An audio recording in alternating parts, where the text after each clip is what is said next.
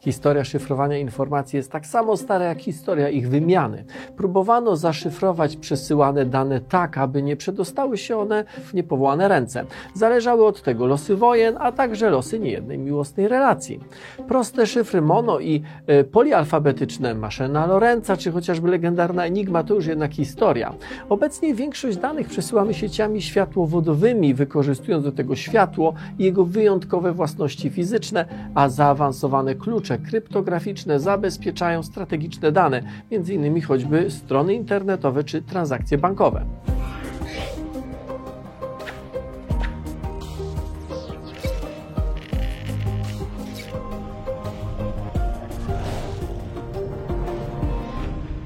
Rosnące możliwości obliczeniowe systemów próbujących wykraść cenne informacje, a także rozwój tzw. Tak komputerów kwantowych, to wszystko zmieniło zasady gry. Pojawia się pole dla kryptografii kwantowej, która dotychczasowe podejście do bezpiecznej komunikacji wywraca do góry nogami. Dotychczas szyfrowanie było trochę zamkniętym kołem, taką zabawą w kotka i myszkę, opracowaniem szyfru, a potem wymyśleniem sposobu na złamanie go. Skutkowało to pracami nad kolejnym szyfrem, co owocowało kolejną próbą złamania. Kryptografia kwantowa diametralnie zmienia te zasady gry, bo na scenę weszła fizyka. W pewnym uproszczeniu można powiedzieć, że kwantowa kryptografia wykorzystuje prawa fizyki, a kryptografia klasyczna prawa matematyki. Fizyka opisuje właściwości, zjawiska, oddziaływania. Matematyka daje nam do tego narzędzia, daje narzędzia do wnioskowania, jest językiem opisu zjawisk obserwowanych dzięki fizyce.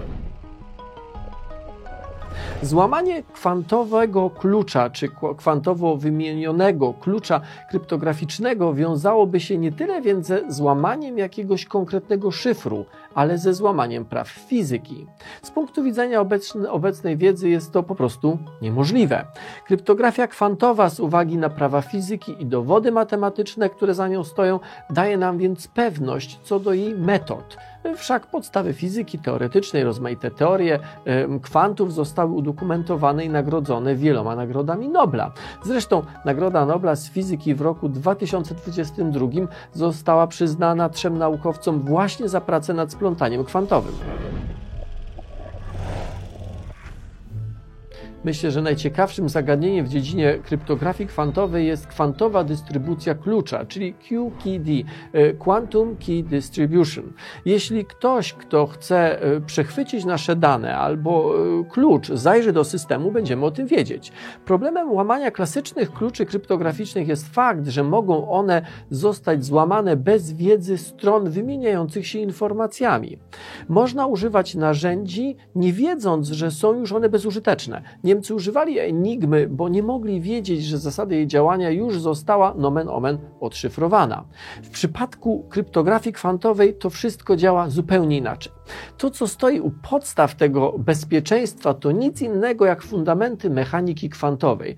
QKD wykorzystuje właściwości pojedynczych fotonów, czyli kwantów energii świetlnej. Istotą kwantowego podejścia jest umiejętność kontrolowania pojedynczych fotonów, atomów albo stanów kwantowych światła i materii.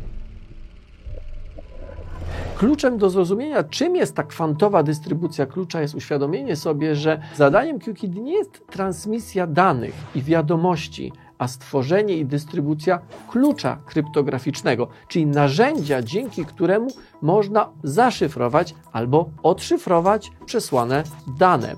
QKD jest więc zestawem procedur, technologią, która umożliwia wymianę klucza kryptograficznego między zainteresowanymi stronami w bezpieczny sposób, bez możliwości skopiowania go i odczytania przez osoby postronne. Na system oprócz odbiorcy i nadawcy składa się kanał klasyczny do przesyłania informacji oraz kanał kwantowy, którym przesyłany jest klucz kryptograficzny. W kanale klasycznym nośnikiem informacji może być dowolny sygnał. Natomiast w przypadku kanału kwantowego informacja wysyłana jest za pomocą pojedynczych kwantów światła.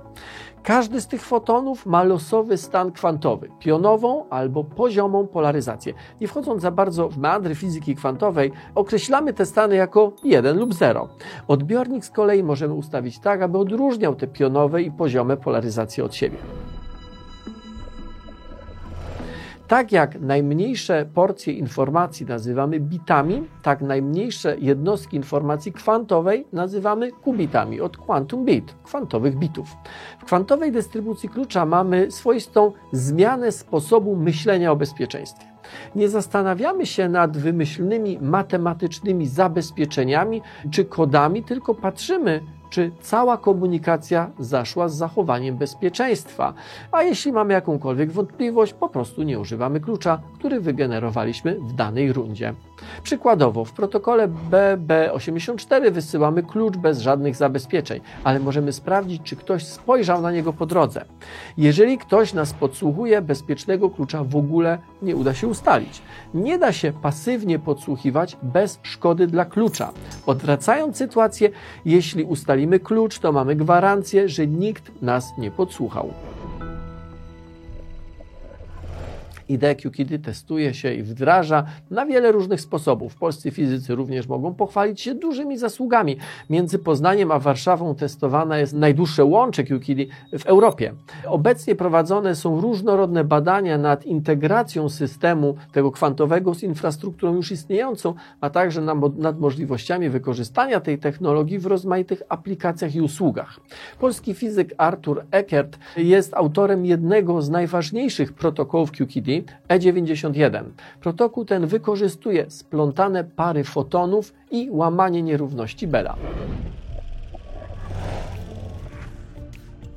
Rozwiązania kwantowe w kryptografii już są albo będą używane przede wszystkim do chronienia infrastruktury krytycznej. To, co warto zapamiętać z dzisiejszego odcinka, to fakt, że nie jest możliwe, żeby kryptografia kwantowa zastąpiła kryptografię y, taką konwencjonalną, klasyczną, bo y, inny de facto jest faktyczny cel kryptografii kwantowej, której rola polega na stworzeniu i dystrybucji klucza kryptograficznego, czyli narzędzia do szyfrowania danych. Oba podejścia kwantowe będą więc funkcjonować obok siebie jako e, swoiste podwójne zabezpieczenie wykorzystując w kryptografii technologie kwantowe, zaprzęgamy do pracy fundamentalne prawa fizyki i to jest najlepsza gwarancja niezawodności tych technologii.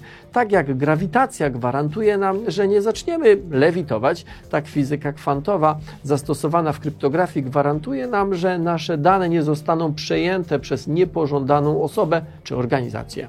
Nauka to lubię od 10 lat, nie tylko na Facebooku i YouTube.